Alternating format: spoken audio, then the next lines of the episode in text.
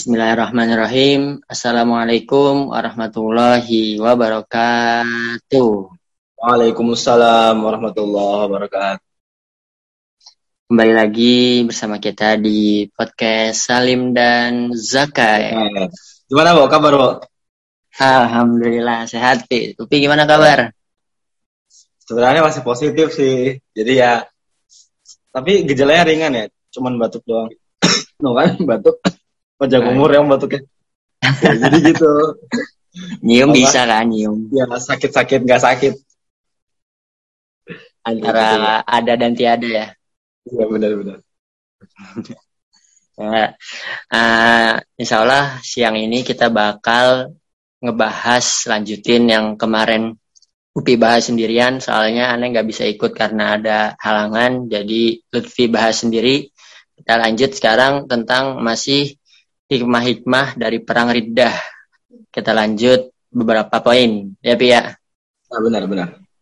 Ah, ah jadi gini Pi. Um, Ane mau nanya. Ya boleh. Apa aja sih kebijakan Abu Bakar dalam memerangi intervensi asing di perang Riddah itu, Pi? Nah, jadi gini, Bu. Sebenarnya perang Riddah ini orang-orang Arab murtad dari Islam ini memang ada kaitannya gitu dengan intervensi intervensi intervensi asing.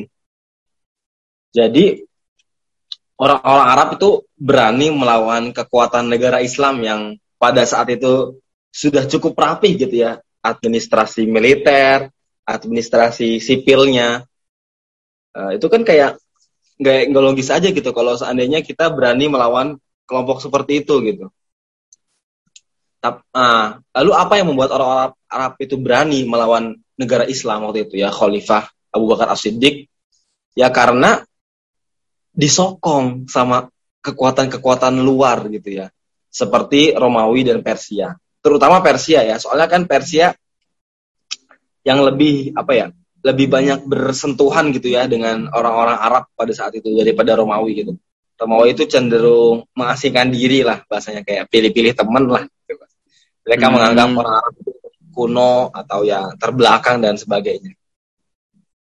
Nah, salah satu cara Abu Bakar As-Siddiq untuk memerangi intervensi asing adalah dengan show off, Bu. Pamer. Sebenarnya sih show off ini bahasa aneh aja. Maksudnya, jadi kan waktu itu pernah tuh ya, ada apa satuan tugas pasukan syariah gitu ya kan satuan tugas di luar Rasulullah SAW kan kalau ada Rasulullah namanya Ghazwah kan Bo kalau yang nah. cuma sahabat mungkin namanya syariah nah Waktu yeah. itu. Rasulullah uh, memberangkatkan syariah di bawah pimpinan sebenarnya Usamah bin Zaid. Itu masih muda benar bu waktu itu bu. Uh, 17 Berapa tahun tapi umurnya. 17 tahun 17 ya? tahun. Pada saat diberangkatkan Rasulullah ya itu sekitar tahun 10 Hijriah gitu. Kalau kan, kalau di Indonesia baru legal ya? Ah iya baru legal. Masih kasih SMA itu. lanjut lanjut lanjut. Nah, Nah, kemudian akan tetapi uh, di tengah ketika pasukan itu diberangkatkan, kemudian kan Rasulullah SAW meninggal ya di awal tahun 11 ya, di bulan Rabiul Awal, bulan ketiga lah kalau di bulan Islam itu. Jadi masih awal tahun. Nah, akhirnya pasukan itu tuh ngestak gitu, berhenti di tengah jalan. Dan mereka akhirnya memutuskan untuk kembali karena kan apa berduka cita gitu ya. Jadi mereka memutuskan untuk kembali. Nah, kemudian pada saat Khalifah Abu Bakar As-Siddiq uh, memerintah gitu ya, bertanggung jawab atas pemerintahan, itu muncul lagi isu untuk bagaimana kalau seandainya kita memberangkatkan pasukan ini lagi gitu. Nah, akhirnya diberangkatkanlah pasukan ini lagi dengan tujuan pasukan ini tuh maksudnya pasukan Usama bin Zaid kan ya? Iya, pasukan Usama bin Zaid. Hmm. Pasukan Usama bin Zaid itu diberangkatkan lagi dengan tujuan agar orang-orang Arab yang ingin murtad kan pasukan Usama pasti kan ngelawatin kampung-kampung Arab kan ketika akan berangkat menuju medan perang di Syam sana di daerah iya. Syam yeah. gitu ya.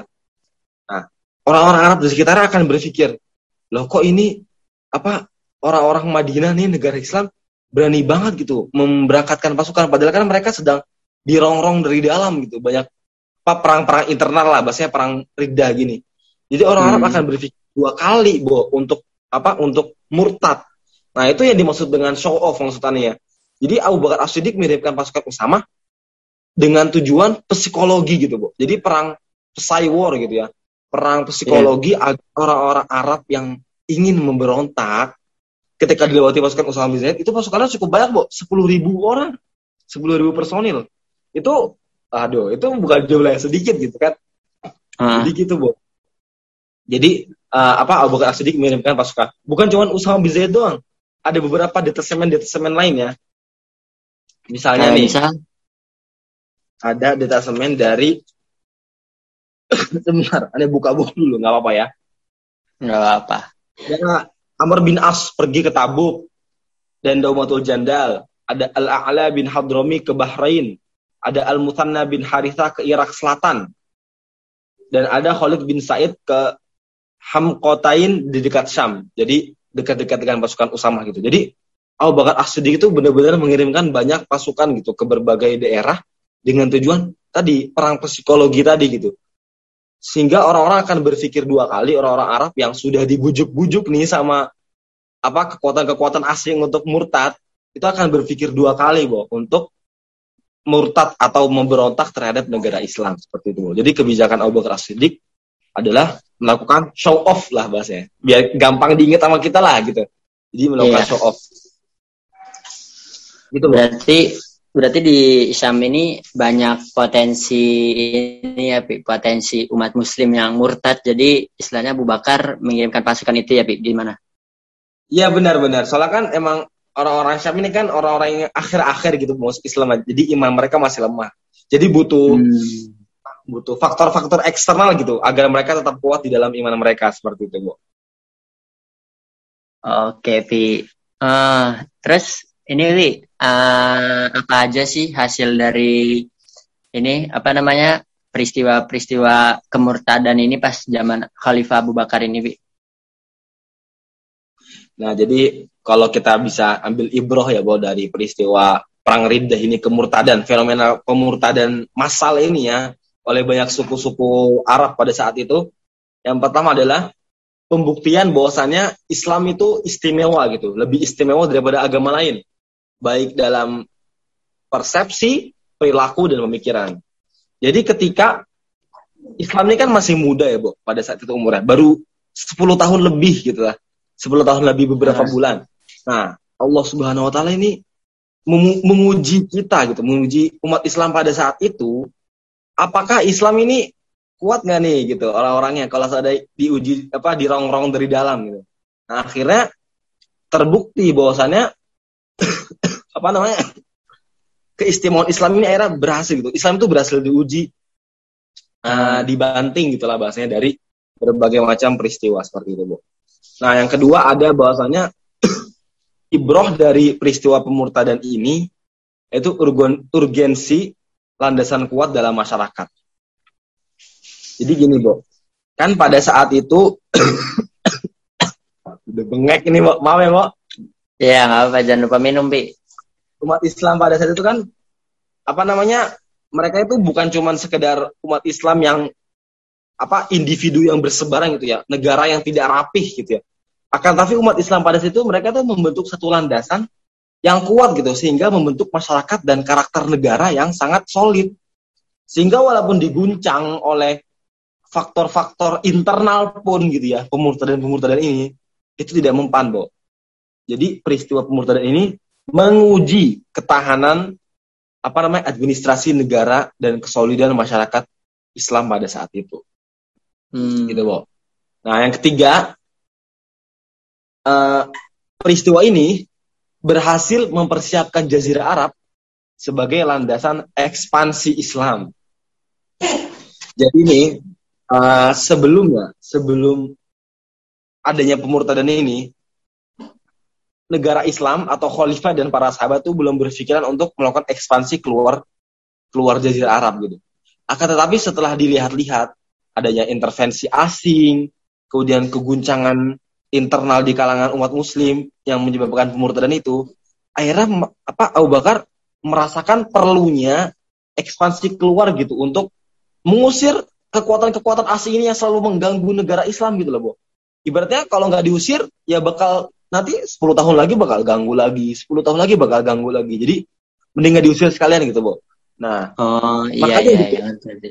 pemurtadan ini membuat Abu Bakar dan para sahabat sebagai pemimpin negara itu sadar akan bahwasannya Jazirah Arab ini harus dipersiapkan sebagai landasan ekspansi Islam gitu. Sehingga kita harus solid dulu di kalangan Jazirah Arab sesama bangsa Arab, baru kemudian kita ekspansi keluar gitu, Bo. Mengalahkan kekuatan asing yang selalu mengganggu masyarakat Arab pada saat itu. Gitu, Bo. Nah, ada lagi nih, Bo, poin yang keempat. Berhasil Udah maaf, Bo. Iya, Berhasil kepemimpinan bagi gerakan ekspansi Islam. Jadi pada saat itu kan orang-orang Arab ini banyak, suku-sukunya banyak, otomatis pemimpin-pemimpin dan pemuka-pemukanya itu banyak, benar?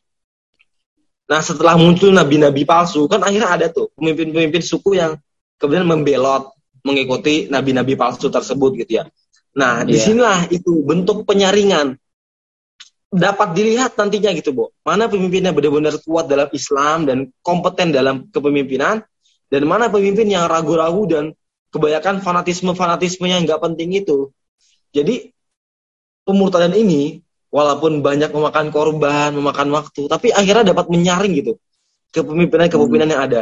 Akhirnya nama-nama seperti Khalid bin Walid, Ikrimah bin Abu Jahal, Al-Musanna bin Harita, Syurahbil bin Hasanah, Al-Qoq bin Amr itu muncul nama-namanya. Sebelum-sebelumnya mungkin nama-nama yang dikenal tuh hanya Khalid bin Walid gitu. Tapi setelah peristiwa pemurtadan ini, nama-nama baru gitu, itu muncul. Dan mereka sudah membuktikan di medan perang bagaimana apa karakter kepemimpinan mereka yang sangat kuat gitu, Bu. Sehingga Abu Bakar kemudian menyuruh mereka untuk memimpin ekspansi keluar daripada Jazirah Arab. Itu bersambung ke poin ke tiga tadi gitu ya, Bu. Nah, oh, benar iya, iya, Bu? Benar, benar. Benar-benar. Kemudian yang kelima, ini uh, Profesor Dr. Ali Asolabi ya, yang mana uh, kita menggunakan sumber ini gitu, menyebutkan fikih realita gitu, fikih realita dari peristiwa pemurtadan ini. Maksudnya gimana tuh, Bi? Jadi kan ketika terjadi pemurtadan itu orang-orang Islam pada saat itu kan gini, kan waktu itu Al-Quran dan hadis itu sudah menurunkan teori-teori bagaimana nanti ada orang yang bakal murtad gitu ya. Nanti penanganannya seperti ini, seperti ini gitu. Jadi Al-Quran dan hadis itu sudah menyebutkan uh, bahwasannya akan ada peristiwa pemurtadan dan bagaimana langkah-langkah preventifnya gitu, Bu. Langkah-langkah menyelesaikannya. Akan tapi kan belum pernah terjadi, benar nggak? Baru hanya teori kan? Iya. Nah, nah, akhirnya setelah ada peristiwa pemurtadan ini, hal ini menjadi praktek. Benar nggak? Iya, benar-benar. Nah, yang kemudian bakal jadikan referensi untuk peristiwa pemurtadan-pemurtadan setelahnya yang ada bakal ada di seluruh dunia Islam gitu. Jadi ini yang namanya fikih realita, Bu. Akhirnya uh, apa topik murtad itu bukan hanya sekedar teori di masa Rasulullah SAW dan kemudian menjadi praktek di masa Khalifah Abu Bakar dan kemudian dapat menjadi referensi di kemudian hari bagi uh, apa dunia Islam gitu, Bu. Gitu. Jadi hmm. ada ibrohnya juga gitu. Sebagai pelajaran lah bahasanya. Benar gak? Iya benar-benar. Enam yang keenam. Firman Allah Subhanahu Wa Taala, semua rencana jahat akan menimpa pembuatnya sendiri gitu. Jadi ya ibrohnya ini salah satu ibrohnya kan kalau kita berbuat makar gitu ya wa makaru wa makarallah kalau seandainya mereka berbuat makar Allah itu lebih tahu makar mereka gitu jadi ya walaupun iya. misalnya apa namanya kekuatan-kekuatan asing seperti Persia dan Romawi hendak merongrong kekuatan Islam dengan menghasut orang-orang Arab untuk murtad, Allah lebih tahu gitu daripada mereka gitu. Sehingga akhirnya Allah memberikan Abu Bakar As-Siddiq ilham gitu. Abu Bakar As-Siddiq itu benar-benar tegas banget kan bahwa sebagaimana yang sudah Anda ceritakan di episode yang lalu gitu ya. Jadi Abu Bakar As-Siddiq ini benar-benar anugerah pada saat itu. Seandainya mungkin bukan Abu Bakar yang jadi khalifah, mungkin hasil dari pemurtadan ini bukan seperti sebagaimana yang kita nikmati sekarang gitu. Sebaga, sebagaimana yang kita apa nikmati kisah-kisahnya gitu. Mungkin beda nanti penanganannya gitu. Nah, yang terakhir yaitu kestabilan pemerintahan di, di jazirah.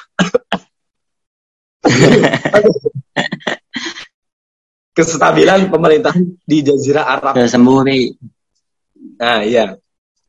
Jadi setelah adanya peristiwa pemurtadan ini, Abu Bakar As-Siddiq sebelumnya nih, Bu, sebelumnya kepemimpinan administrasi itu hanya ditunjuk langsung itu oleh ketua-ketua suku atau kabilah gitu. Jadi Abu Bakar cuma bilang, e, wahai ketua Badin Tamim, antum bertanggung jawab atas daerah itu. Jadi cuman kayak seruhan apa informal gitu, nggak formal, nggak ada struktur patennya gitu, ngerti nggak?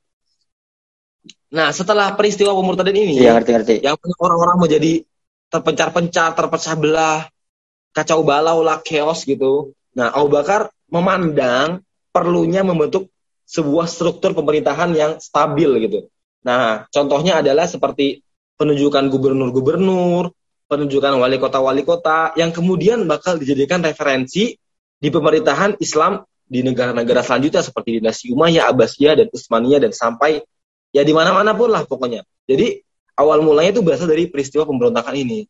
Jadi walaupun peristiwa pemberontakan ini mendapatkan bukan mendapatkan memakan banyak korban gitu ya dan memang memakan hati banget gitu kan bahasanya para sahabat pasti sangat apa sedih. sangat sebel gitu sedih gitu ya cuman memang ibu-ibunya itu cukup banyak seperti itu bu gitu oh, uh, berarti tadi aneh nyatet ada tujuh poin ya Pi ya ya ada tujuh poin aneh sebutin lagi ya singkatnya buat teman-teman biar teman-teman pada ingat juga. Yang pertama ada keistimewaan Islam dari agama lain dalam persepsi perilaku dan pemikiran. Yang kedua ada urgensi landasan yang kuat dalam masyarakat. Yang tiga, yang ketiga menyiapkan Jazirah Arab sebagai landasan ekspansi Islam.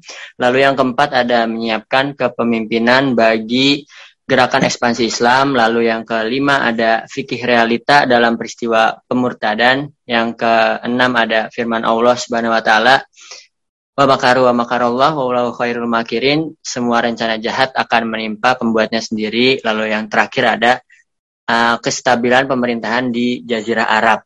Begitu kan, Bi? Ya, benar-benar. Seperti itu, Bu.